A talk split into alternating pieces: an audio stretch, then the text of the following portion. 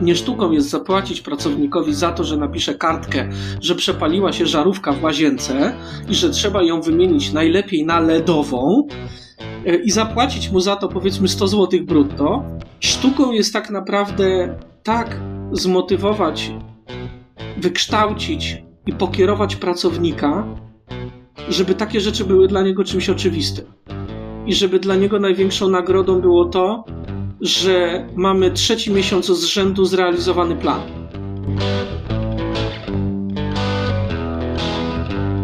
Cześć, nazywam się Tomek Miller, a to jest podcast Kaizen Miracle. Małymi krokami od pomysłu do zysku. Zajmuję się rozwiązaniami, które zwiększają komfort pracy menedżerów.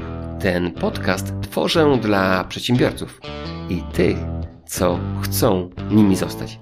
Chcę, żebyś korzystając z zamieszczonych treści małymi, średnimi lub wielkimi krokami dużo szybciej niż dotychczas osiągał swoje cele biznesowe i prywatne. Kaizen Miracle jest programem bezpłatnym. Jeżeli podobają Ci się zamieszczone treści, to możesz zostać patronem tego podcastu. Za każdą wpłatę serdecznie dziękuję. Pozwala mi to na spokojne odłożenie innych spraw po to, żeby skupić się na tym, żebyś co tydzień dostał kolejną porcję wiedzy. Patronem możesz zostać na stronie www.patronite.pl ukośnik Kaizen Miracle. Dziękuję też za niefinansowe wsparcie tego podcastu. To Ty, słuchaczu, jesteś siłą napędową moich działań. Podoba się? Skomentuj lub poleć. A teraz zapraszam już do podcastu.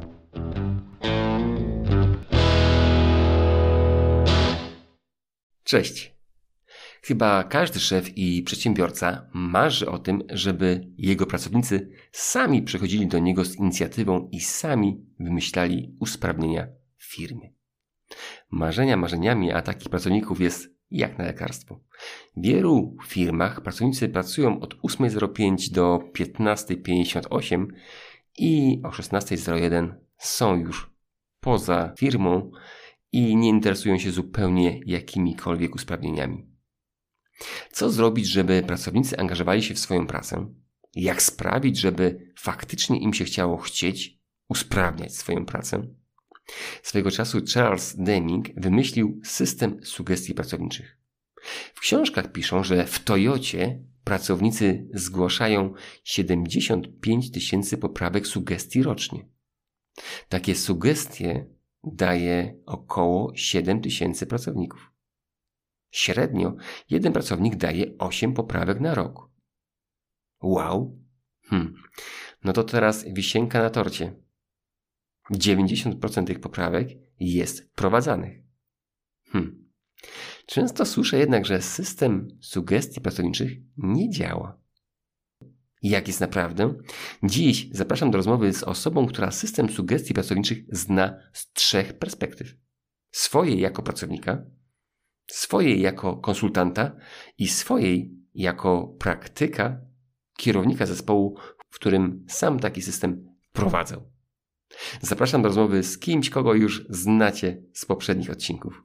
Zapraszam do rozmowy z Miłoszem Wonorskim. Cześć Miłosz. Cześć Tomek, cześć, witam Cię bardzo serdecznie, witam Twoich słuchaczy e, i bardzo dziękuję za ponowne zaproszenie. Czuję się naprawdę wyróżniony tym, że zaprosiłeś mnie jeszcze raz do, do Twojego podcastu.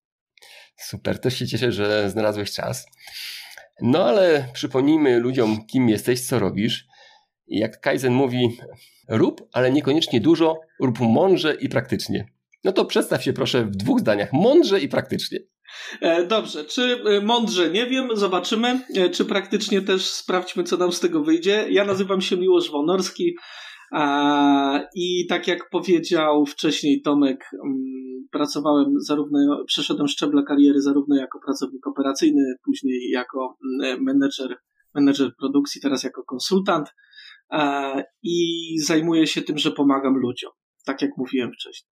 Cały mhm. czas bez przerwy staram się pomagać ludziom poprzez dzielenie się swoim wiedzą i doświadczeniem, tak żeby inni czerpali więcej radości z pracy i z życia. Super, pięknie to brzmi. Ta radość z życia to i, i czerpanie przyjemności z pracy to chyba jest coś, co większość osób czeka, pragnie i, i mam nadzieję, że to się kiedyś stanie. A ty to wprowadzasz. Miłosz, Kaizen jest kojarzony z kilkoma elementami, ale na pewno z małymi krokami, z ciągłym doskonaleniem i systemem sugestii pracowniczych. Co to jest ten system sugestii pracowniczych? Na to pytanie tak naprawdę można by było zrobić cały podcast. I tylko tym jednym pytaniem moglibyśmy chyba e, zająć cały dostępny czas. E, dla mnie, znaczy, to może tak, zacznijmy sobie od definicji. E, trochę grzebałem i na, w internecie trafiłem na definicję Solution for Business Company, gdzie jest napisane, że system sugestii to kompletne i sprawdzone rozwiązanie do rozwijania wspierania innowacyjności przez pracowników. Ok, no to na razie zapauzujmy.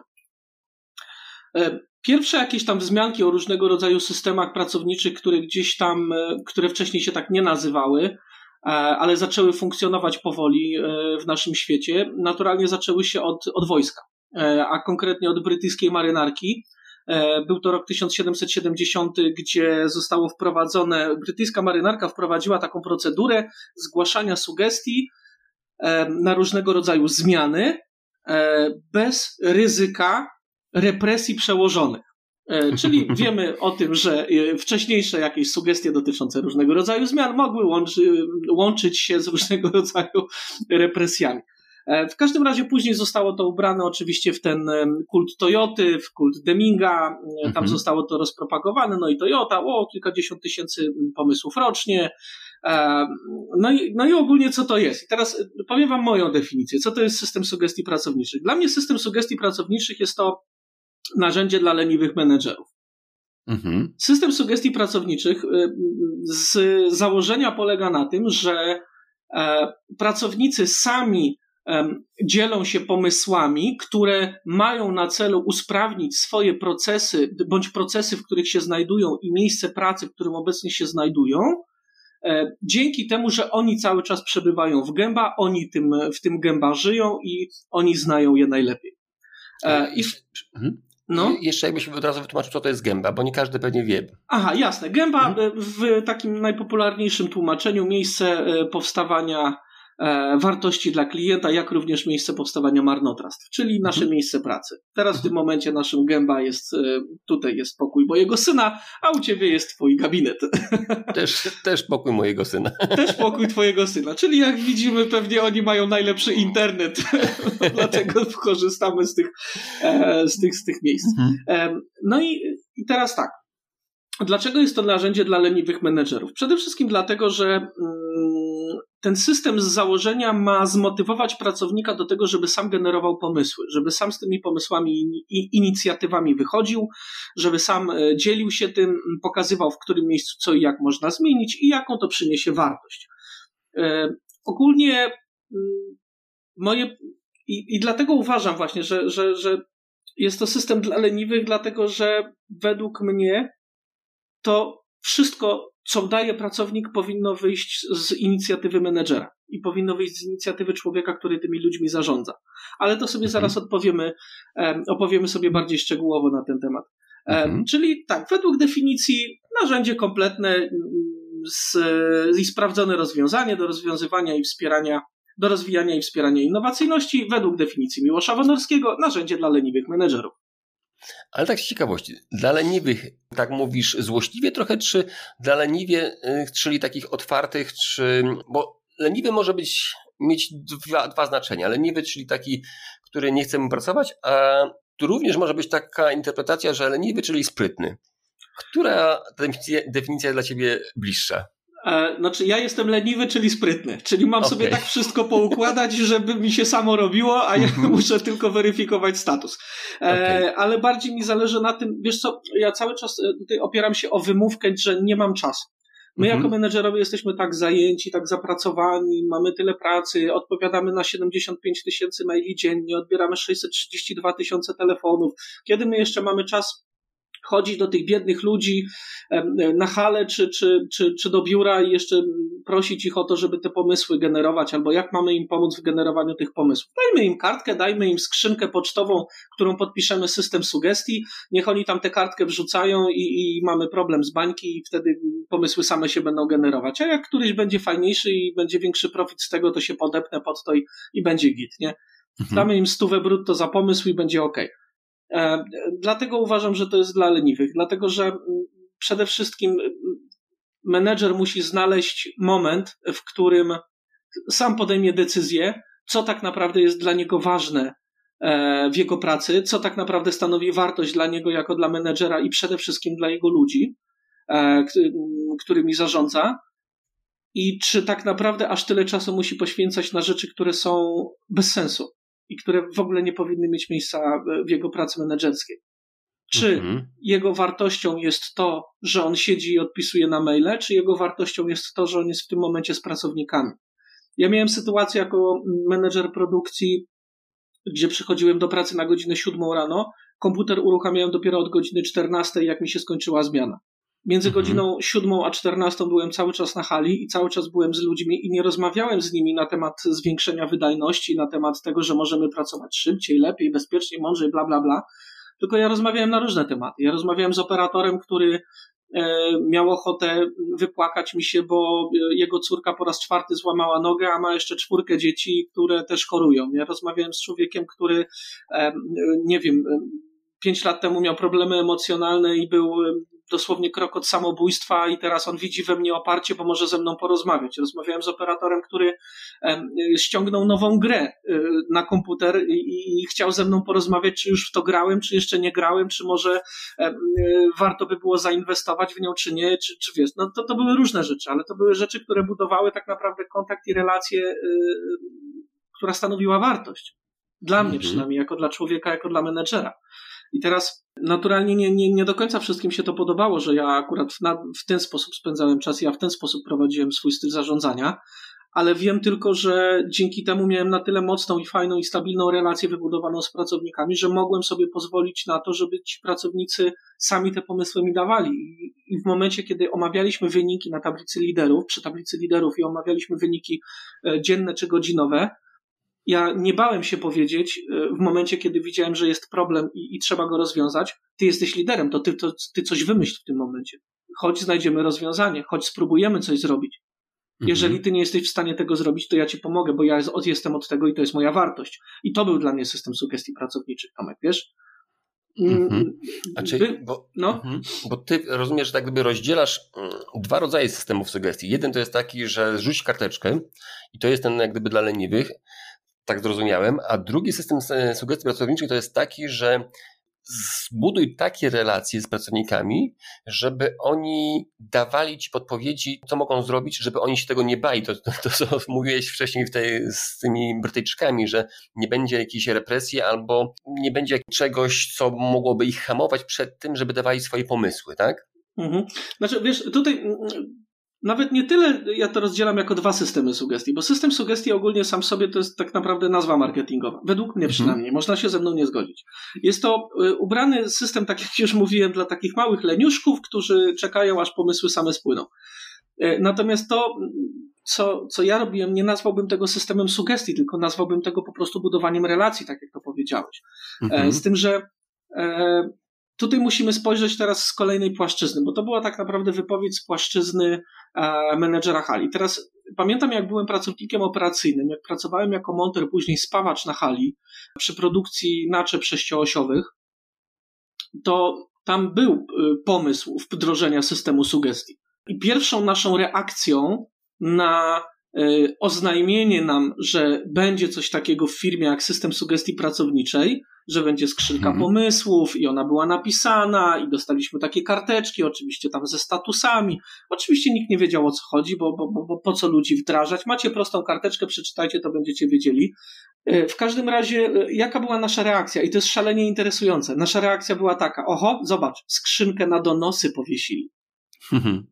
I to była nasza reakcja.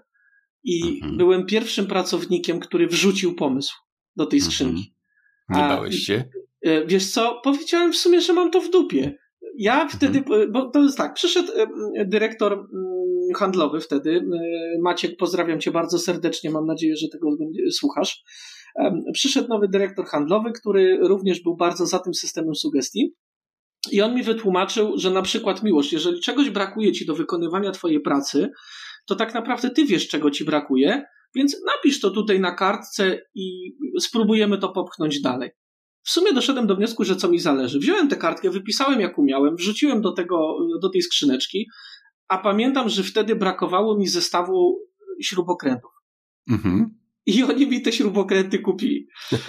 I ja byłem bardzo zadowolony z tego, że oni mi te śrubokręty kupili, ale mhm. oczywiście ktoś życzliwy widział, że ja wtedy coś wrzucam do tej skrzynki. Naturalnie nie miałem kolegów w pracy przez najbliższe dwa miesiące, bo Aha. wszyscy bali się, że ja na kogoś, napi- na kogoś, na kogoś napisałem donos, a byłem człowiekiem, który jakoś tak dziwnie szybko e, rozwijał się, e, bo z pomocnika Montera Monter, później brygadzista, później zostałem mistrzem prototypowni i to wszystko wydarzyło się w niecałe dwa lata, także już byłem nacenzurowanym. E, no więc jeżeli, jak zobaczyli, że ja zaczynam tutaj jeszcze jakieś rzeczy wydziwiać z kartkami, z pomysłami, to już w ogóle byłem nielubiany. E, ale w każdym razie zobacz, jaka była reakcja ludzi. Skrzynka na donosy. Aha, mhm. czyli o to chodzi, czyli oni po prostu chcą tutaj, żebyśmy na siebie coś tam zaczęli, zaczęli zbierać. No i, no i wiadomo, no i ten pomysł nie, nie, nie, to nie wyszło, to nie zostało wdrożone w żaden sposób. Ta skrzynka tam wisiała, później ją zdjęli, Później coś tam innego powiesili na tym haczyku, nawet nie pamiętam co. W każdym razie widzisz, jaka, jaka jest różnica. Zobacz, jaka jest różnica pomiędzy perspektywą menedżera hali, e, którą mhm. przedstawiłem wcześniej, odnośnie systemu sugestii, i jaka jest różnica pomiędzy pracownikiem operacyjnym. E, I szczerze mówiąc, ja uważam, że ogólnie system sugestii jako system sugestii to jest coś fajnego, co można sprzedać, ale nie do końca to ma sens. To, to nie do hmm. końca jest coś, co, co, co, ma, co ma sens i co faktycznie przyniesie wymierne korzyści dla organizacji, przede wszystkim dla ludzi, którzy tam pracują. E, wydaje mi się, że dużo lepszym e, sposobem jest analizowanie tego, co się dzieje na podstawie wyników czy dziennych, czy godzinowych, i na tej podstawie motywowanie i inspirowanie ludzi do tego, żeby pomóc im w poprawie ich miejsca pracy to według mnie jest dużo bardziej efektywne i, i to wcale nie musi się nazywać system sugestii pracowniczej, bo. E, mhm. Ale nie wiem, czy dobrze cię odczuję, że ty masz jakiś taki trochę dyskomfort z, tego, z tą nazwą system sugestii pracowniczych. Tak jak powiedziałeś przed chwileczką, że to jest taka nazwa marketingowa. Bo myślę, że to, żeby ludzie pomagali sobie usprawnić pracę w firmie, to z tym się zgadzasz. Tak czy nie?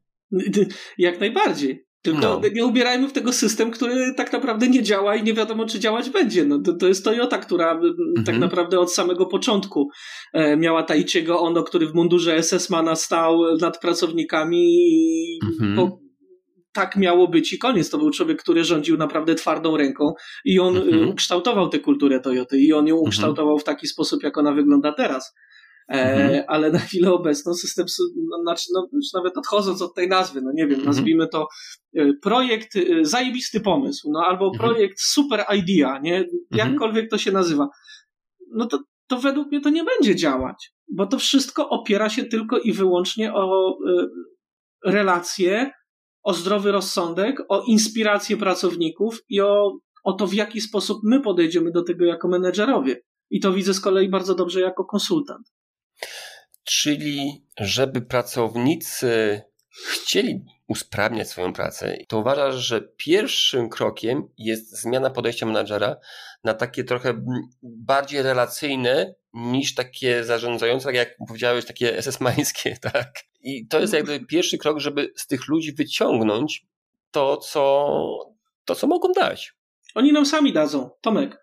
Mhm. E, to, to są ludzie, to są ludzie tak, tacy sami jak my. Oni co prawda kierują się troszeczkę innymi wartościami. Dlatego, mhm. że e, my jesteśmy też ideowcami. My jako kaizenowcy jesteśmy ideowcami, którzy poruszają się według pewnej idei, pewnej filozofii, którą, e, którą trzeba być, którą trzeba żyć. Dla nich e, ważne jest to, żeby przeżyć. Mhm. My mamy, powiedzmy, nawet nie najniższą krajową, no ale załóżmy, że zarabiamy średnio 3-400 brutto, i zastanawiamy się nad tym, czy wystarczy nam to, czy nie wystarczy, czy dojdzie 500 plus na czas, czy nie dojdzie 500 plus na czas. Mhm. I w momencie, w którym e, zaczynamy, no oczywiście wiadomo, no różne badania mówią inaczej, ja, ja mówię to ze swojej perspektywy, mm, ze swojego doświadczenia, no ale jeżeli angażujemy pracownika w dodatkowe działania i on z tego nie ma wymiernych korzyści w postaci czegokolwiek, co jest dla niego namacalne, mhm. to on nie będzie się w to angażował, przynajmniej nie na pierwszym etapie. Ja pracowałem ponad pół roku nad tym, żeby wybudować relacje na poziomie OK, chodź, znajdziemy rozwiązanie. Mhm. Bo wcześniej, jeżeli Wcześniej to był prosty tekst. Ty jesteś kierownikiem i, i ty masz mi znaleźć rozwiązanie i koniec. I tam mhm. ludzie się nie bawili w to, wiesz, struktura organizacyjna, szczeble w hierarchii, a w dupie tam. Ty jesteś kierownikiem, ty masz mi to ogarnąć i koniec. Więc mhm. widzisz, pół roku zajęło mi dojście do momentu, w którym mogłem powiedzieć, ok, chodź sprawdźmy, zbudujmy coś. Ale nie tworzyłem do tego dodatkowych, nie wykorzystywałem do tego dodatkowych narzędzi. Lin jest prosty, Kaizen jest prosty i tak naprawdę budowanie relacji i wybudowanie tej inspiracji i, i dawanie tej inspiracji sobą, to jest coś, od czego trzeba by było zacząć. Ale tak jak powiedziałem na początku naszej rozmowy, najpierw musimy zrozumieć, co jest dla nas ważne jako dla menedżerów. I czy dla nas ważne jest tylko to, żeby skrzynka z pomysłami była pełna, czy dla nas jest ważne to, żebyśmy mieli te konkretne pomysły czy zalążki rozwiązań, które bezpośrednio odnoszą się do wyników, które mamy teraz czy dziennie, czy godzinowo w naszych fabrykach, w naszych organizacjach. Mhm. To pierwszą rzeczą, którą trzeba zrobić, to nawiązać relacje. E, tak? Nie, nie, nie. Pierwszą rzeczą trzeba zastanowić się, co jest dla nas ważne. Mhm. Czyli jak priorytetyzować działania i co jest wartością dla ciebie jako dla menedżera. Bo mhm. menedżer nie ma bezpośredniego wpływu na e, tak zwane e, na tak zwaną wartość dodaną, czyli to, za co klient jest w stanie zapłacić. Mhm. My jesteśmy tak naprawdę jednostkami wsparcia w tym momencie. Mhm. I naszym zadaniem jest pomóc ludziom w tym, żeby oni generowali wartość dla klienta. Mhm. I teraz, czy my pomagamy im poprzez te ciągłe maile, telefony, czasami kompletnie bezsensowne, godzinne, dwugodzinne, trzygodzinne spotkania, czy my bardziej pomagamy im wtedy, kiedy jesteśmy na hali? I mhm. wtedy, kiedy jesteśmy z nimi w procesach. Okej. Okay. To... I to jest krok pierwszy. Dobrze. Krok drugi? Relacje. Mhm. Czyli to, co zacząłeś mówić. Krok trzeci podtrzymanie tych relacji. To jest niekończąca się historia. Jeżeli wiesz, e, e, wiesz co, nie wiem, czy da się to jakoś tak usystematyzować, no ale Aha. to w sumie może coś fajnego nam z tego wyjdzie, kurczę, zobacz. E, Tomek, no pierwsze priorytetyzacja. To, co jest ważne i określenie dla ciebie wartości jako dla menedżera. Drugie, mhm. budowanie relacji z pracownikami. Trzecie, zacieśnianie tych relacji i może wykorzystanie ich bezpośrednio do wyników, które mamy mhm. czyli do wyników dziennych, godzinowych, które aktualnie teraz są e, w naszych organizacjach. Czyli mhm. wiemy już, co jest naszą wartością i wiemy, że musimy być z tymi pracownikami, na przykład, czyli przechodzimy płynnie, budujemy z nimi relacje, inspirujemy ich, działamy, szkolimy cały czas, bo my jesteśmy ich takimi bezpośrednimi trenerami, coachami. I później, w momencie, kiedy mamy już na odpowiednim poziomie to wybudowane, zaczynamy to przekładać na bezpośrednie rozwiązania, odnoszące się konkretnie do wyników, które gdzieś tam są na plus bądź na minus. O, w ten sposób. No i zobacz, coś fajnego nam wyszło z tego. Okej. Okay. To w takim razie cały czas pytanie. Jak zwiększyć zaangażowanie pracowników? Mówisz, że przez, głównie mówiłeś znaleźć ten cel, po co to jest, dlaczego i później zbudować relacje. Jak, czy to są tylko te dwa elementy, które spowodują, że pracownicy się otworzą i będą się bardziej angażowali w swoją pracę. Więc to trzecim elementem jest e, zdrowy rozsądek. Mhm. I przede wszystkim nad tym wszystkim, o czym teraz powiedzieliśmy, e, musimy dopisać takie zdanie e, być człowiekiem. Mhm. Wiesz, to jest ważne. O sile firmy stanowią jej pracownicy. I tak naprawdę oni, oni przetykają te przędze, która gdzieś tam e, tworzy nam e, jakiś, jakiś obraz, e, który, który, który jest wartością i który jest zadowoleniem klienta.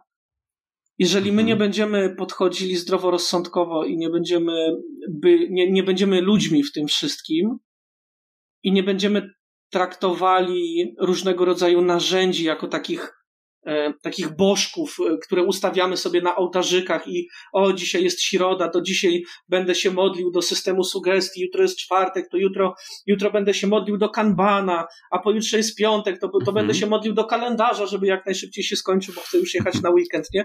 E, jeżeli nie będziemy mhm. do tego podchodzili w ten sposób, tylko, tylko będziemy ludźmi w tym wszystkim i E, i będziemy podchodzili zdroworozsądkowo i budowali jednocześnie relacje z naszymi pracownikami i to jest never ending story, to, to, to nigdy się nie skończy, bo, bo zawsze będziesz miał sytuację, która cię zaskoczy, zresztą mhm. już tam wspominałem o tym tobie wcześniej w kuluarach, e, to, to nie postawisz nic. to nie jesteś w Mhm. stanie postawić nic. I jeszcze jedno na koniec mogę dodać, że im prostsze, tym lepsze. Mhm. No dobrze, to ja cały czas będę się, wiesz, zachęcał do tego, żebyś odkrył tego złotego grala, bo rozumiesz, że relacje i cel jest ważny. E, I jak tych pracowników jednak zachęcić? Czy mówiłeś tutaj o, o swojej perspektywie pracownika, mówiłeś jako menadżer, jako kierownik z produkcji, a teraz jakbyś to, jak na to patrzysz jako konsultant? Zobacz. Znaczy, zobacz, słuchaj, no przecież to jest podcast. Akurat teraz się widzimy, no. Akurat teraz się widzimy, nie? Em, patrząc z perspektywy pracownika operacyjnego, czego brakowało mi najbardziej? no. Mi najbardziej tak naprawdę brakowało fajnej, nawet nie tyle kumpelskiej, ale takiej zaufanej relacji z przełożonym. Mhm. A że miałem akurat fajnego przełożonego, Tomek, pozdrawiam cię, e, to ta relacja była wybudowana. Później doszedł Maciek, który też był, zresztą do tej pory mamy kontrakt, Maciek jest niesamowitym menedżerem, dla mnie guru, jeżeli chodzi o, o niektóre, niektóre działania zarządcze. I, I my te relacje wybudowaliśmy. I ja wtedy tak naprawdę przełamałem się, żeby dać ten pierwszy pomysł. Później patrząc z perspektywy mm, menedżera, menedżera produkcji, e, również to, czego mi brakowało razem z moimi pracownikami, to było wybudowanie odpowiedniej relacji i zainspirowanie ich do tego, żeby oni chcieli tą relację ze mną budować. I to już zobacz, po, pokrywa nam się to w dwóch miejscach. Mhm. W momencie, gdy pracuję jako konsultant nad em, działaniami typu y, system sugestii, czy, czy jakimikolwiek, na- nawet to może być dowolne narzędzie, jakiekolwiek byś sobie nie wymyślił, to prawdopodobnie zacząłbym dokładnie od tego samego. To jest zejście do gęba i poznanie ludzi, z którymi chciałbym to zrobić i którzy mieliby to robić w tej firmie Mhm. nie w sali, nie gdziekolwiek indziej. Ostatnio prowadziłem działania dotyczące wprowadzenia w 5S, e, gdzie znamy 5S, wiemy, że to jest to narzędzie trudne e, i też tak naprawdę jest to potężne narzędzie kulturowe. Wiesz, ile czasu spędziłem w sali konferencyjnej, żeby im wyłożyć 5S? Strzelam. Znając, znając ciebie 5 sekund. Nie no, godzinę. Na ośmiogodzinne działania przez godzinę Aha. im tylko powiedziałem z grubsza, co to jest e, 5S, a resztę wszystko im wytłumaczyłem na gęba. Mhm. I, i ja, ja jako konsultant robię dokładnie to samo, czyli ja schodzę z ludźmi, y, staram się z tymi ludźmi pracować i przede wszystkim staram się z nimi wybudować odpowiednią relację, gdzie my sobie nawzajem zaufamy. I oni Mhm. Nie będą na mnie patrzeć jako na zło konieczne, bo inwestorzy, zarząd, y, dyrekcja, właściciele uznali, że e, ktoś tutaj z batem musi nad nami stać i on prawdopodobnie robi zdjęcia, żeby później pokazać, o zobacz jak jest beznadziejnie, zobacz jak jest beznadziejnie, my to naprawimy, my to naprawimy, tylko żeby oni widzieli, widzieli we mnie oparcie. I teraz zobacz, e, jako pracownik operacyjny ja potrzebowałem oparcia. Kogoś Mhm. z moich przełożonych, kto może mi pomóc. Jako menedżer produkcji sam dawałem to oparcie, czyli wy, ja jestem po to, żeby wam pomóc. I dokładnie tak Mhm. samo pra, pracuję jako konsultant. Ty, szanowny kierowniku, szanowny dyrektorze, jesteś po to, żeby pracownicy mieli w tobie wsparcie i oparcie, a ja pokażę ci, jak to możesz zrobić. I Mhm. ty masz oparcie we mnie. Zobacz, jaka to jest metoda naczyń połączonych.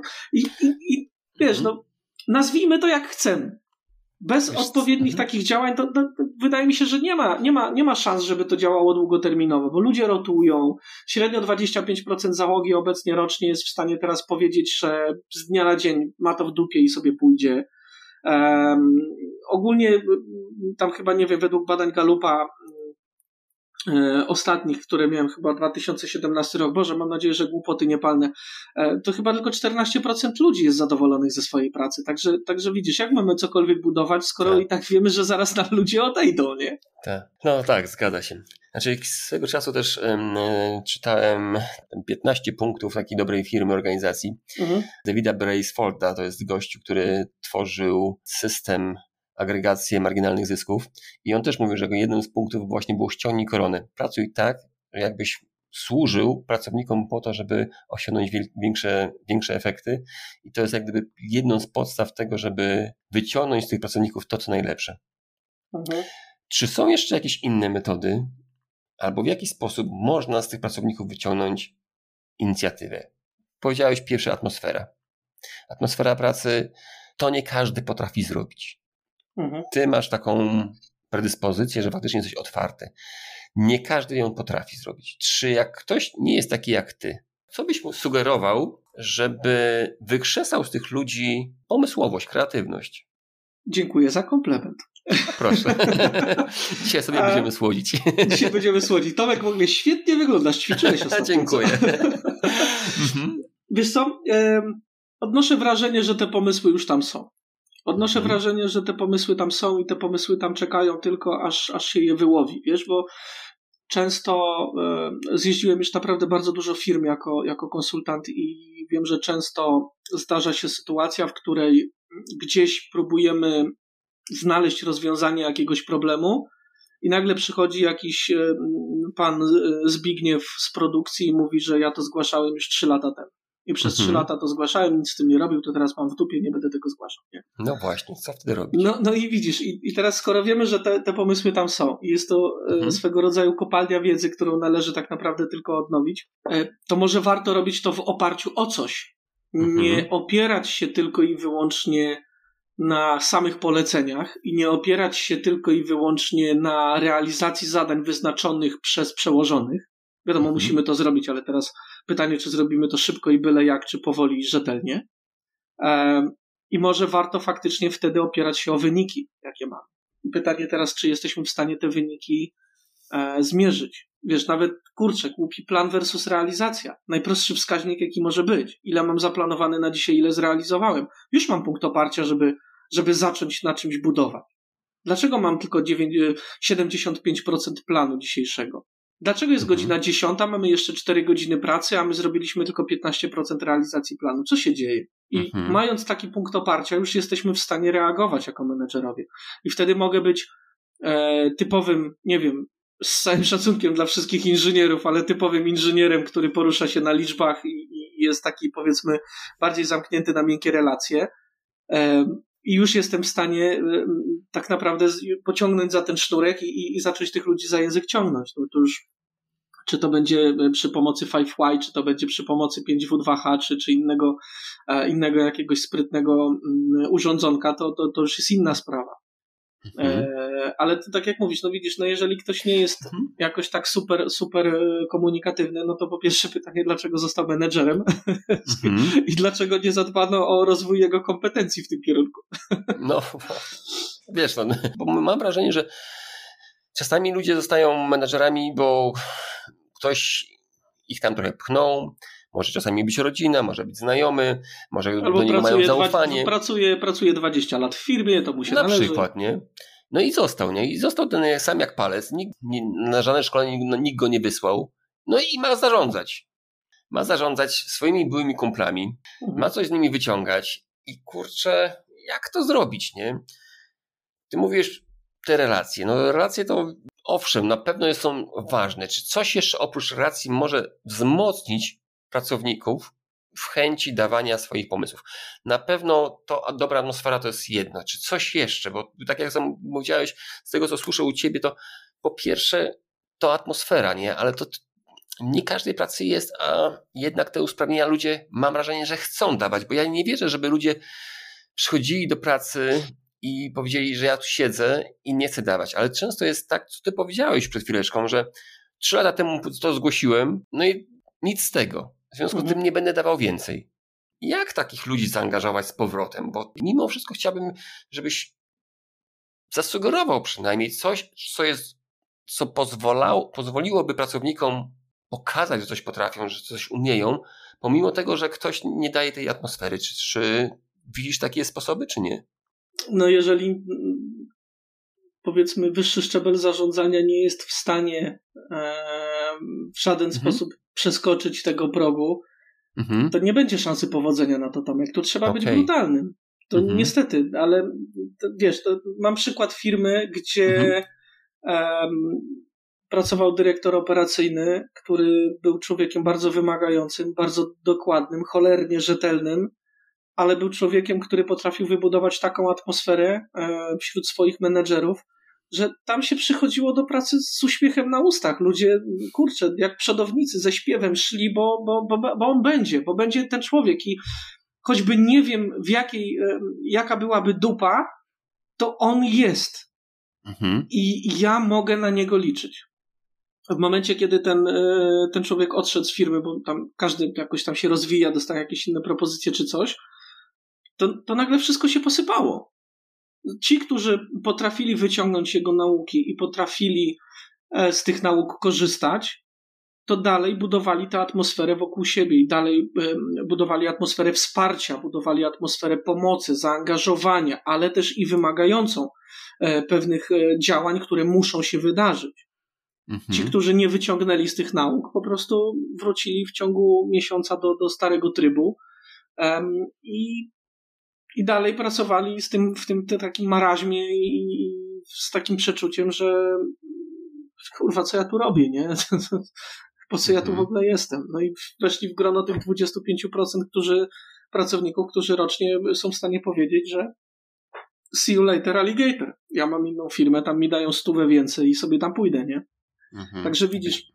Być może będę miał lepszą atmosferę, atmosferę Na przykład. A, a, prawda jest taka, że atmosfera będzie dokładnie ta sama, tylko zanim się zorientuje, to przez pół roku będzie brał pensję, gdzie będzie o stówę więcej i on już będzie zadowolony. Po pół roku się zorientuje, że znowu jest w tej, w tej samej skrzynce, w której mhm. był i zastanowi się, no dobra, no to może teraz jak będę wracał, to mi dadzą jeszcze stówę więcej, no w końcu znam firmę, nie? Także mhm. nie, nie ruszymy do przodu absolutnie, dopóki nie zdamy sobie sprawy z tego, jak ważny w tym wszystkim jest management, jak ważne jest to, żeby management wiedział, co jest dla niego wartością i jak tę wartość przełożyć na gęba, na swoich pracowników. To bądźmy brutalni. E, Tomek, mhm. niestety, ale e, bez tego się nie uda i nie ma tutaj, przynajmniej ja nie znam, może ktoś zna e, jakiś prostszy sposób, jakieś narzędzie, które za pomocą czarodziejskiej różdżki, hokus pokus Harry Potter wybuduje nam wybuduje nam to wszystko i sprawi, że to będzie działało. Dobra, to ja Cię zapytam może w drugą stronę jeszcze. Co według Ciebie, jakie są największe albo w punktach blokady pracowników przed tym, żeby się bardziej angażowali w działalność firmy? Blokady. Mhm. Poprzednia kultura organizacji, to mhm. jako pierwsze przychodzi mi do głowy, czyli kultura, która mm, działała takim typowym powiedzmy tradycyjnym stylem zarządzania, czyli masz zrobić i koniec.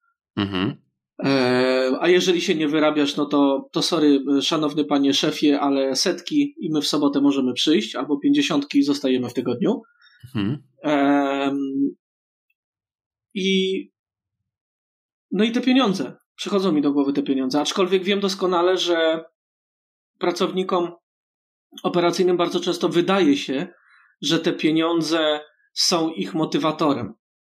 E, ale w momencie, gdy udowodnimy im, że nie trzeba wcale e, brać dodatkowych profitów z działań, które wykonujemy jako działania usprawniające, to pracownicy zaczynają bardzo szybko orientować się, że, że, że zapominają w ogóle rozmawiać o pieniądzach. Nie?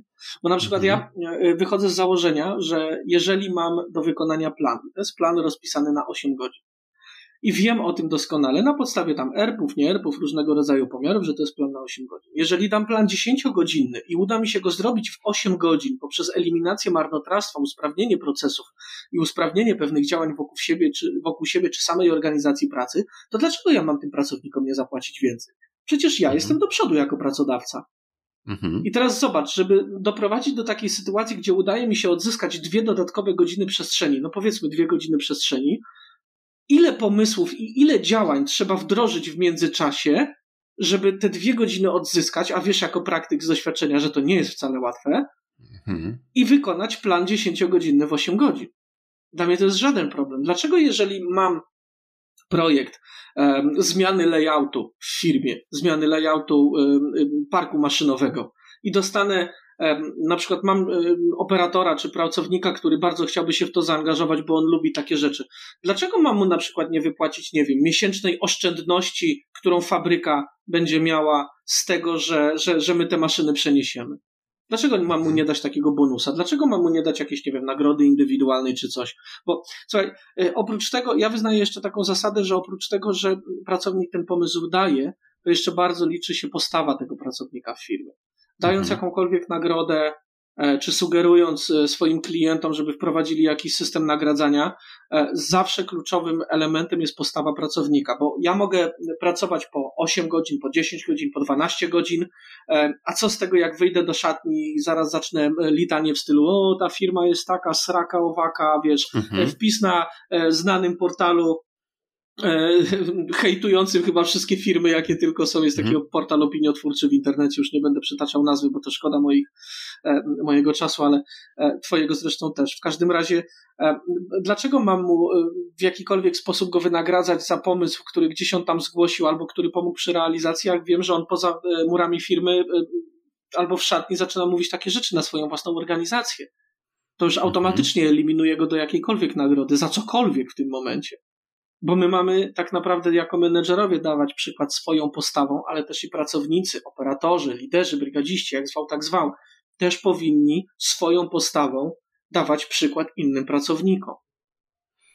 Czy nagrody w ogóle działają? Albo jakie nagrody działają? Jak je robić, żeby taki pracownik faktycznie zmienił swoją postawę? Bo no, to wszystko jest, nie jest wszystko czarno-białe.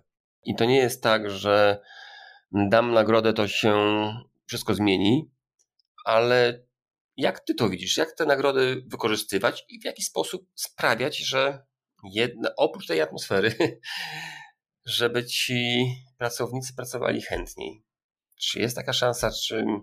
Wiesz co, nagroda, nagroda finansowa działa na krótko, mhm. bo wiesz, to, to jest, to jest taki, taki, takie pospolite ruszenie, taki zryw, nie? że zaczynamy powoli, ostrożnie sobie tam gdzieś tam te pomysły generować. Nagle e, menedżerowie leniuszki e, dochodzą do wniosku, że fajnie by było mieć więcej, bo już zaczyna nas ktoś rozliczać z tego, dlaczego ten system jeszcze nie działa tak, jak powinien. E, no to wymyśla, na przykład w jednej firmie wymyślili, że za pomysł, na którym firma zaoszczędzi do 5000 zł rocznie, są bierki. Za 6000 zł miesięcznie są karty do gry w Piotrusia. Okej. Okay. E, I, I, będąc w tej mhm. firmie, któregoś dnia tak e, e, padło pytanie, jak myślicie, dlaczego ten system sugestii nie działa? Kurczę, mamy tutaj taką gablotkę z nagrodami. Ja tak patrzę, wow, macie karty do Piotrusia. Tak, no, bardzo fajne, bardzo kolorowe. Mhm, tak, możesz powtórzyć pytanie, dlaczego system sugestii nie działa? Tak, kurczę, zastanówmy się. Karty do Piotrusia, system sugestii. Dlaczego to nie działa? No, połączmy kropki, tak? Mhm. Wiesz co? Ja y, naprawdę nie lubię ułatwiać sobie życia. Ja wyznaję zasadę, że linia jest prosta. Ale ja mhm. sam sobie życie utrudniam i zawsze wybieram drogę dużo, dużo trudniejszą, dlatego że nie sztuką jest zapłacić pracownikowi za to, że napisze kartkę, że przepaliła się żarówka w łazience i że trzeba ją wymienić najlepiej na LEDową, e, bo wtedy zaoszczędzimy i wszyscy nagle, o, wiesz, jakieś konfetti, fajerwerki, mhm. szampany otwarte, bo pracownik dał pomysł pracowniczy. E, i zapłacić mu za to powiedzmy 100 zł brutto, e, mhm. sztuką jest tak naprawdę tak zmotywować, wykształcić i pokierować pracownika, żeby takie rzeczy były dla niego czymś oczywistym. I żeby dla niego największą nagrodą było to, że mamy trzeci miesiąc z rzędu zrealizowany plan. I trzeci miesiąc z rzędu idziemy dalej, trzeci miesiąc z rzędu idziemy do przodu, a on na przykład dostaje premię nie za to, że wygenerował pomysł, ale dostaje premię za realizację planu. Na przykład. Mhm. Może w ten sposób. Trzeba okay. pamiętać, że premia to jest inwestycja, to nie jest koszt. To jest coś, co w zależności od tego, jak zostanie wdrożona, bo też pamiętajmy, że premie czy różnego rodzaju nagrody są po to, żeby dać, a nie po to, żeby zabrać. I to jest mhm. bardzo duża różnica, o której często zapominamy stosując takie narzędzia, musimy bardzo precyzyjnie i dokładnie zaplanować co, kiedy, jak, w jakiej formie i jak dużo jesteśmy w stanie przyznać. I to jest ważne, mhm.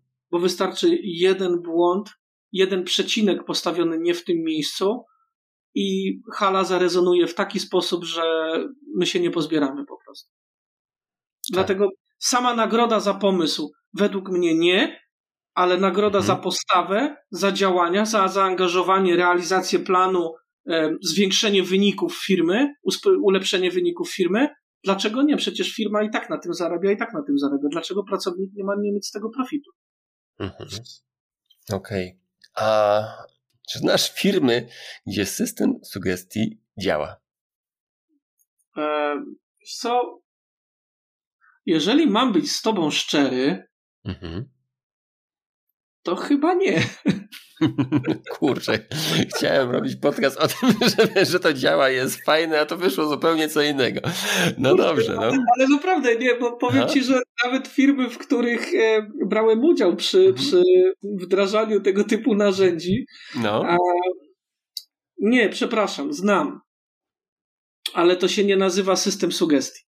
To no, jest nazwa, prostu... sam, sam powiedziałeś, że tak, nazwa tak. nie jest taka istotna. No? Znam firmę, jest to firma z branży, z branży elektroenergetycznej. E, mhm. I pracowałem z nimi przez półtora roku razem z większym zespołem i tam udało się wypracować system, e, który generował, który motywował pracowników do generowania pomysłów na podstawie wyników, czyli, czyli to, co powiedziałem mhm. wcześniej. Jeżeli nie jestem w stanie tak jakby swoimi, swoim doświadczeniem i kompetencjami sprawić, że ci pracownicy jakoś tam ty, tymi pomysłami się dzielą, to muszę mieć jakieś oparcie i bardzo fajnie jest mieć oparcie w wynikach, czy dziennych, godzinowych, miesięcznych, tygodniowych. I w oparciu o tego typu wyniki dzienne pracownicy generują te pomysły, Mhm. Um, I one są konsekwentnie wdrażane, także tak jest. Znam taką firmę, realizowałem taki projekt y, przez prawie, przez prawie dwa lata i, i jestem, jestem dumny, jak widzę w internecie właśnie, że ileś tam tych pomysłów, ileś tego tam działa i to jest, to jest fajne. Okej, okay, to masz jeden, jeden przykład, że jednak działa. Ale to jest to firma zatrudniająca, ale to jest firma zatrudniająca prawie 8 tysięcy pracowników w mhm. Polsce, więc to jest gruby kotlet, jeżeli okay. mogę to tak nazwać. No dobrze. Przepraszam, że cię rozczarowałem. Wiesz co, ale nie, powiem ci, że ja słyszałem o takiej firmie jeszcze. E... Toyota. Nie, nie Toyota. Firma w Polsce, w Poznańskim, która produkuje akumulatory. Mhm. I tam właścicielka wprowadziła taki system sugestii. I pamiętam, że za to, że wprowadzali te zmiany i firma przynosiła zyski, ale to też za to, że jak firma przynosiła zyski, dostawali roczną wycieczkę. I oni wybierali Super. gdzie. I naprawdę wycieczki były takie bardzo spektakularne, bo raz byli w fabryce Lamborghini, później pojechali do fabryki Porsche i co roku sami wymyślali, do jakiej fabryki pojechać, żeby zobaczyć, e, jak pracują inni. I Ekstra. wiem, że ona była z tego systemu bardzo zadowolona. Pracownicy chyba też, bo to byli naprawdę prości ludzie, którzy mm, przy pierwszym wyjeździe to bodajże 90% pracowników e, po raz pierwszy szło wyrobić paszport, także dla nich to było coś naprawdę wyjątkowego i wiem, że u niej taki system się sprawdzał. Pewnie to, co mówisz, na pewno atmosfera pracy też musiała być przyjazna, ale widziałem, że no, to u niej działało, nie? To ja znam taki jeden przykład. Ale, ale świetny, to jest super przykład. Właśnie widzisz, i, i teraz cały rok pracujemy na to, żeby pojechać do, do fabryki Porsche, nie? Albo do tak. fabryki Lamborghini. Jezu, no mi się marzy pojechać do takiej fabryki. No byłem w kilku fabrykach em, produkujących samochody, no ale kurczę, no no. Uwielbiam Porsche, tak? co mówię, że samochodem z segmentu Volkswagena, co prawda, no ale to nie Porsche, nie? ale ponoć Lamborghini jest lepiej wykonane. tak mówisz? Nie, nie, nie, nie mam e, przykładu e, z doświadczenia, znaczy nie mam porównania, wiesz? Nie, tam słucha, słuchałem w kuluarach, także nie wiem, czy to mogę powiedzieć, ale... E... Nie no, racja masz, wiesz co, wydaje mi się, że ten gigantyczny procent twoich słuchaczy, czyli właściciele Porsche na pewno się od ciebie nie odwrócą. Dziękuję. Okej, okay. dobrze. Miłosz, Czyli z tego podcastu wyszło, że się nie opłaca, jeżeli nie robisz e, dobrej atmosfery i jeżeli sam nie zachęcasz pracowników do tego, żeby sami przychodzić do ciebie, ale bo pierwsze, żeby to działało, chociaż w małym stopniu to musisz stworzyć taką atmosferę, żeby ci pracownicy czuli do ciebie zaufanie i do tego, że i pokazywać im jednak ten większy cel, że premie są, ale za to, co wykona firmę, a nie za to, że ktoś znajdzie jakiś pomysł usprawniający, tak? Pomysł w stylu wkręcić żarówkę przepaloną w toalecie. No mhm. i najważniejsza rzecz, e, o której też jeszcze raz musimy wspomnieć, to jest przede wszystkim, żeby menedżer zdał sobie sprawę, co jest wartością dla niego i dla jego pracowników. Mhm. Od tego zacząć. Dopiero później zająć się budowaniem tej całej relacji, budowaniem, budowaniem zespołu, tak naprawdę. Okej, okay, czyli pierw jaka jest wartość? Tak. Co Zastanówmy się, co jest dla nas ważne, co jest ważne dla naszych ludzi, bo to oni są siłą mhm. firmy. Później... Ale właśnie, czy, bo to cały czas mówisz, ludzie siłą firmy, ale szukajmy wartość, którą możemy dać dla klientów, tak? Czy jeszcze znaczy, też. Nie, nie, nie. To jest tak, że inna jest wartość dodana mhm. dla menedżera, który zarządza zespołem, a inna mhm. jest wartość dodana dla pracownika operacyjnego, który generuje bezpośrednio produkt, wtwarza produkt bądź usługę dla klienta. Mhm. Bo mm, jeżeli miałbyś się zastanowić, mielibyśmy się teraz nad tym zastanowić, co jest wartością dodaną dla menedżera, to ja kiedyś e, wspólnie z Szymonem Sołtykowskim, zresztą pozdrawiam go bardzo serdecznie, e, zastanawialiśmy się przez wiele, wiele godzin e, nad tym, jak możemy to, jak możemy to ugryźć. Jest to realizacja celów strategicznych, w, nie, jak to brzmiało? To brzmiało w ten sposób, że rozwój pracowników oraz zespołów w celu realizacji zadań mających wpływ na wynik strategiczny firmy, zadania e, z podziałem na zadania ważne, mniej pilne, nieważne, niepilne, e, ważne, pilne w ten sposób. To, to, to jest taka cała definicja powstała, e, którą, którą gdzieś, tam, gdzieś tam sobie wypracowaliśmy. W każdym razie ca, cała, cała e, definicja wartości dla menedżera opierała się na kształtowaniu, rozwijaniu pracowników w celu realizacji celów strategicznych firmy, działu i firmy. Także widzisz, tam nie było wyprodukuj, tam nie było wytwórz, tam nie było zrób, tam było rozwijaj, wspieraj i kształć swoich pracowników tak, żeby zrealizować cele strategiczne firmy, działu i firmy. Także jest zupełnie inna wartość. Natomiast wartością dodaną dla pracownika no jest to, to, to, to, to za co klient płaci. Dlatego mm -hmm. najpierw zrozummy, co jest dla nas ważne jako menedżerowie. Okay. Ja, zobacz, bo to o to chodzi, Tomek. Oni, ci ludzie muszą się tutaj zastanowić, czy dawać. To jest klasyczny przykład z 5S-em, z systemem mhm. sugestii, z kanbanem, z tablicami.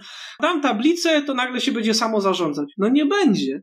Zawsze mhm. zacznij od tego, bo pytanie, czy ty jako menedżer będziesz miał w ogóle czas, żeby tą tablicą zarządzać. Bo jeżeli ty tego czasu mieć nie będziesz, bo odpowiadasz na 500 maila, na którego odpowiadać nie musisz, bo możesz to załatwić 10-minutowym spotkaniem i przy okazji załatwisz 30 innych maili, to pytanie, czy warto jest w ogóle taką tablicę budować. I to, to jest dokładnie systemem sugestii. Mhm. I wiesz, ja dopóki nie wypracowałem standardu swojego dnia pracy jako menedżer, dopóki nie zrozumiałem, co dla mnie stanowi wartość i co stanowi wartość dla moich ludzi, to ja nie, to ja nie robiłem nic. Ja nie miałem ani spotkań, ani tablic, ani działań linowych. Ja nie miałem nic, Tomek. Ja dopiero w momencie, kiedy to sobie usystematyzowałem, ustabilizowałem i zrozumiałem, co jest dla mnie ważne jako dla menedżera, dopiero wtedy zacząłem tablicę jedną, tablicę drugą, tablicę do zarządzania halą, e, zarządzanie wizualne, nawet nie tyle systemy sugestii, co e, powiedzmy pomysły albo usprawnienia wynikające w oparciu o wyniki dzienne firmy. I dopiero, dopiero na tym budowałem, nie? Ale to musiałem sobie dopiero to wszystko poukładać, dlatego mówiłem, że tak bardzo ważne jest, żeby tą wartość e, znaleźć dla siebie jako dla menedżera, a później dopiero budować relacje z ludźmi i później w oparciu o to wszystko zacząć wdrażać, czy system sugestii, czy różnego rodzaju inne działania. Także on ma sens, ale bez tych pierwszych dwóch kroków według mnie to się nie uda po prostu i tyle. Mhm. A tą wartość, jaką znaleźć dla siebie, to jaka to była? To, to, co powiedziałem, wiesz, y, ja bardzo mocno skupiłem się na rozwoju i kształceniu kompetencji menedżerskich wśród liderów. Na mhm. tym się skupiłem. I mhm. bardzo ważnym było dla mnie to, żeby ludzie wiedzieli, dlaczego w tym momencie podejmuje taką decyzję, a nie inną. Dlaczego w tym momencie nie ma płatnych nadgodzin? Dlaczego w tym momencie są płatne nadgodziny? Dlaczego nie było nagrody od kierownika? Dlaczego będzie nagroda od kierownika? Dlaczego ten wskaźnik jest taki, a dlaczego jest inny? Oni ode mnie wszystkie te informacje dostawali. Nic nie pozostawiałem bez, e, bez e, komentarza z mojej strony. Czyli I bezostanny... taką przejrzystość tego, co się dzieje, tak? Tak. Transparentność kompletna i przede wszystkim każdą jedną rozmowę z moimi liderami poświęcałem na ich rozwój. Ja ich rozwijałem w stronę, każdy z nich e, miał mieć, e, było ich czterech, i każdy z tych czterech liderów miał mieć wybudowane kompetencje do kompleksowego zarządzania zmianą. Nie mhm. miał być tylko menedżerem w swoim gnieździe, mhm. ale w razie potrzeby miał z dnia na dzień umieć przejąć zarządzanie całą halą. Mhm. Powiem ci, udało mi się. Ja miałem e, czterech menedżerów mhm. i co tydzień każdy z nich był liderem prowadzącym halę. Miał nie tylko do ogarnięcia swoje mhm. gniazdo, ale miał do ogarnięcia jeszcze wszystkie inne gniazda dookoła. Tutaj jeszcze taki, pokazałeś taki aspekt, który przewija się w wielu rzeczach, że przeważnie szef nie chce dopuszczać swoich pracowników do swoich tajników, bo się boi, że go wypierniczą. No to nie te czasy. Ale tak, tak jest. Wiesz ty co, ja pamiętam taką historię, którą opowiadał mój kumpel, który jest lekarzem i pojechał na staż do Niemiec. E, I u nas jest tak, że jest ordynator szpitala i praktycznie jego miejsce zajmuje zawsze zastępca. Ale w związku z tym on nie za bardzo lubi się dzielić swoją wiedzą z. I zawsze są jakieś takie, niby on jest moim zastępcą, ale tego zastępcę to wezmę takiego, żeby mi nie zagrażał, bo czuję się bezpieczniej. A w Niemczech było tak, że był ordynator i zastępca, ale była taka zasada, że ten zastępca nie mógł pracować jako ordynator w tym szpitalu, tylko musiał sobie szukać innego. Aha, innego szpitala musiał szukać. Tak, i w związku z tym nie było tego zahamowania w przekazywaniu mu wiedzy.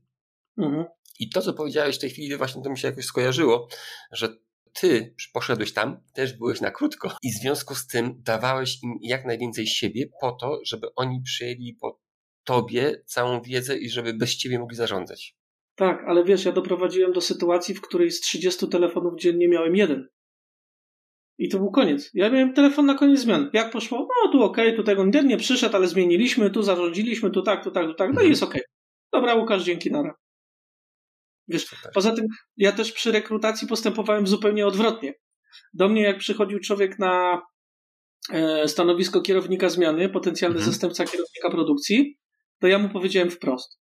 Ty masz być człowiekiem, który za pół roku będzie w stanie zastąpić mnie w każdej kwestii. W każdej. No.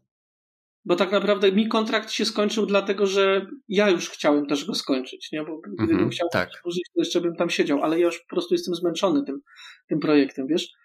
I powiem ci, że każdą rozmowę na potencjalnego zastępcę kierownika była taka, że ja mam, moim celem jest rozwinąć ciebie do takiego poziomu, żebyś ty zastąpił mnie w każdej kwestii. Ty masz być lepszym ode mnie menedżerem i kierownikiem produkcji. I ludzie Fajne. w pewnym momencie reagowali ok, a w pewnym momencie panikowali. W pewnym no momencie tak. oni, nie, oni głupieli, oni nie potrafili w ogóle, wiesz, odnaleźć się w sytuacji, ale jak to zaraz, to ten koleś chce, żebym, co ja go wygryzł ze stanowiska, no ale, ale, ale jak to, o co chodzi, nie? I oni, mhm. wiesz, strasznie reagowali na to, ale powiem ci, że ci, ten, który, ci, ci którzy przechodzili dalej i ten, ci, ci którzy teraz są, to mhm. jest zajebisty materiał na kierowniku. Ja Super. teraz, wiesz, ja mam już teraz, wiesz, jestem na etapie tam zdawania laptopa, telefonu i innych rzeczy, ale ja przez ostatnie dwa tygodnie to ja, miałem, ja, ja miałem trzy telefony w domu w ciągu dnia i to, to był mhm. koniec. Już wyślij mi ten plik. No, do, tylko nam uzupełnij. Dobra, no na razie. Koniec. I to jest zarządzanie no. tak naprawdę, nie? No tak. No, to jest, to jest esencja zarządzania. Ma być tak, że hula bez ciebie. Tak. Wiesz co, to jest ciekawe, że każdy szef firmy marzy o tym, ale przez to nie wiem czego. A czemu właśnie według ciebie? Bo każdy szef marzy o tym, żeby wyjechać i firma hulała. A czemu tak nie jest? Bo ludzie boją się o swoje dziecko. Bo mhm. uważają, że e, jeżeli oni 30, 20-30 lat temu zaczęli budować tę firmę, e, to ta firma bez nich po prostu padnie. Nie ma nikogo, kto zrobiłby mhm. lepiej a kwintesencją w ogóle tak naprawdę znakiem dojrzałości menedżera jest umiejętność delegowania zadań i umiejętność obdarzenia pracownika zaufaniem. Mhm. Czyli dzwonić tylko wtedy, kiedy pojawi się krew. Albo zagrożone jest dobro, zdrowie. Mhm. Nie, dzwonić wtedy, kiedy pojawi się krew. Poczekaj, jak to ja wtedy mówiłem? E, I w sytuacjach, w których zagrożone jest życie pracowników bądź mienie firmy. Koniec. W pozostałych mhm. przypadkach proszę do mnie nie dzwonić, bo dochodziło do sytuacji, w których dzwonił do mnie lider i mówił na przykład, że pracownicy narzekają na to, że mają sznurówki, które bardzo szybko się przecinają. Ja odpowiedziałem, Piotrek, co ja mam z tym zrobić? No, no co ja mam z tym zrobić? No, no wiesz, bo to warto by było się. Mówię, Piotrek, realizujecie plan? No, no tak średnio. Nie masz ważniejszych problemów? Czy uważasz, że te sznurówki mają bezpośredni wpływ na to, że, że ten plan będzie zrealizowany? No nie. No to bardzo proszę, żebyś postawił mnie przed problemem menedżerskim, który będzie wymagał ode mnie wspięcia się na jakieś wyżyny moje kompetencyjne, żebym mógł ci pomóc i pokazać ci, jak to można zrobić. A jeżeli nie, to po prostu do mnie nie dzwoń. I powiem ci, mhm. obraził się na mnie na jakiś czas, ale e, jest to człowiek, który jako pierwszy powiedział, że jeżeli ja odejdę z firmy, to on również będzie się bardzo mocno zastanawiał nad tym, czy w tej firmie zostać. Fajnie. Dużo go musiałeś nauczyć. Ja, ja większość swojego czasu poświęcałem dla tych ludzi. Ja, ja uczyłem mhm. ich wszystkiego i tak naprawdę większość problemów, które ja miałem do rozwiązania jako kierownik produkcji, rozwiązywałem razem z nimi. Mhm. Ja jeżeli miałem do realizacji pilne zlecenie e, i wiedziałem, że potrzeba dyspozycyjności ludzi, tej dyspozycyjności nie ma, że nie ma nadgodzin, nie mam jak ich zapłacić, słuchaj, to ja brałem cały zespół. Ja brałem całe gniazdo, powiedziałem, dobra, mamy taki i taki cel, taki i taki problem, siadamy, nie wychodzimy do domu, dopóki tego nie rozwiążemy i nie ustalimy, jak możemy tego klienta zaspokoić, jak możemy temu klientowi pomóc. I słuchaj, mhm ludzie po prostu wtedy urodziły mi się perełki, wtedy uro... o tak jakby oddzieliło się ziarno od plew. Ja wiedziałem, na którym pracowniku mogę polegać, który jest kompletnie obojętny wobec postawionego problemu, czy lider, który jest na tej instalacji, jest odpowiednią osobą i w jakim kierunku jeszcze muszę uzupełnić jego braki, i który pracownik tak naprawdę kompletnie się z tym nie identyfikuje, ma to w dupie i, i wiesz, mhm. te sytuacje, im więcej takich sytuacji prowokowałem, tym bardziej zaciśniałem więź pomiędzy, e, pomiędzy mną, pomiędzy liderami, pomiędzy pracownikami i tym bardziej rozumieliśmy siebie nawzajem. I ja wtedy nie miałem kompletnie żadnego oporu, na przykład, żeby iść do pracownika i powiedzieć, no pan człowieku, ile zrobiłeś? 20? Przecież to o tej godzinie powinieneś mieć już 40. Co jest? Oj, wiesz, miłość. Mówię, nie, no, proszę cię, teraz to ty mi nie gadaj, tylko konkretnie, co się dzieje? Co, pomóc ci w czymś, co się dzieje? Mam za ciebie stanąć robić? No nie, dobra, wiem o co chodzi, wiem, dobra, będzie, nadrobimy, nadrobimy. Ja wiedziałem, że ten człowiek nadrobi. Mhm. Może miał zły dzień, może, nie wiem, wydarzyło się coś, a wiesz doskonale, że tych sytuacji, które gdzieś tam się wydarzyły w życiu tych pracowników, przechodziłem trochę i, mhm. i nie zawsze byłem w stanie, znaczy, nigdy nie było dobrego rozwiązania nigdy nie miałem dobrego rozwiązania na taką sytuację, bo nigdy nie wiesz, czym ci wyskoczy, jaką bazukę pracownik wyciągnie spod obrusu, nie? Tak, tak. No fajnie. No. Okej. Okay. To będziemy już powoli kończyć. Konkluzja jest taka, że systemy sugestii pracowniczych raczej nie działają. Jeżeli sami nie sprawimy, że ludziom się trochę będzie bardziej chcieć i nie zaczniemy ich słuchać po prostu, rozmawiać z nimi, zamiast tworzenia systemów, które są trochę sztuczne, mhm. które mogą działać na chwilę, ale tak jak powiedziałeś, bardziej to ludzie odbierają jako system donosów. No tak, my tak odbieraliśmy, nie? Ale no. to jeżeli wiesz, w fabryce zatrudniającej 170 osób wszyscy tak to odebrali, to znaczy, że coś w tym jest. Mhm. Okej. Okay. No dobra. Czy chciałbyś coś jeszcze na koniec powiedzieć ciekawego i zachęcającego dla moich słuchaczy, czy naszych słuchaczy?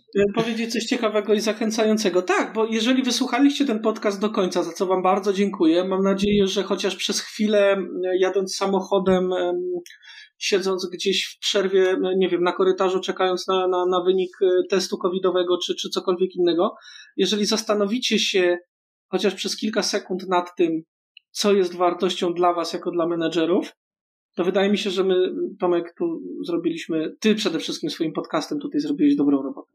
Bo to tylko i wyłącznie o to chodzi. Zrozummy, że te cholerne maile, telefony i te wszystkie inne pierdoloty, które są na tych spotkaniach czas, bardzo często bez sensu, to nie jest to, co jest najważniejsze w życiu. Czasami trzeba tak. mieć też czas na to, żeby wyskoczyć na przysłowiowe ryby. Okej, okay, to o tym, o rybach porozmawiamy innym razem. Tak, dokładnie. Dobrze. Miłosz, e, wielkie dzięki za czas, za to, że przedstawiłeś tu swój ciekawy bardzo pogląd na to, jak to działa. Nie taki, jaki ja chciałem, ale, ale zgodny z tobą. Ale zgodny z tobą i z tego, jakie miałeś doświadczenia. Także wielkie dzięki, że się tu tym podzieliłeś. I co? Gdzie, aha, jeszcze to pytanie. Gdzie ciebie można znaleźć? Oprócz tego, że na rybach. E, na strzelnicy e, mhm. bądź na treningu Kyokushin. E, wiesz co, no ja teraz trochę mniej się udzielam w internecie, mam, mam sporo takich swoich życiowych akcji, które muszę przeprowadzić. Mhm. No, cały czas jest aktywny Miłosz Wonorski, nim jest prosty i to, to jest w sumie taki bardzo luźny, bardzo luźny fanpage, gdzie, gdzie, gdzie można się wymieniać różnego rodzaju pomysłami i w sumie ja też tam czasami wrzucam takie zdjęcia kompletnie, bo sobie, bo sobie wrzucę, bo chcę, żeby ludzie mhm. zobaczyli akurat, co teraz robię, a, a, a jest to wiele różnych czynności. No i co, no ja w sumie kręcę się po portalach różnego rodzaju, takiej nie, ma, nie mam na razie takiego miejsca, gdzie można by było tak, tak odezwać się po prostu bezpośrednio, kto, kto chce się ze mną skontaktować, to może się kontaktować czy przez ciebie, a, czy, czy, czy, czy przez Miłosz Wanowski linie jest prosty. Super. Wielkie dzięki. Cześć. Również Ci dziękuję, dziękuję Tobie, dziękuję Twoim słuchaczom. Pozdrawiam. I jak Ci się podobał ten odcinek? Jeżeli coś Ci się spodobało, choć jedna rzecz i uważasz, że jest ona dla Ciebie ważna i istotna, to znajdź szybko zeszyt lub telefon i zapisz sobie. Wiesz, tak, żeby nie zapomnieć. Jeśli zaś chciałbyś dowiedzieć się coś więcej o Kaizen, to zapraszam do mojej książki Kaizen Jak osiągać wielkie cele małymi krokami. Dwukrotnie nakład drukowany się już wyczerpał. Dziś możesz kupić albo e-booka, albo audiobooka. Mówią, że bardzo dobrze się słucha i czyta. Pamiętaj też, jeżeli Ci się podobał ten podcast, to zalajkuj go albo udostępnij. Będzie mi bardzo miło. I to już wszystko. Do usłyszenia za tydzień. Cześć.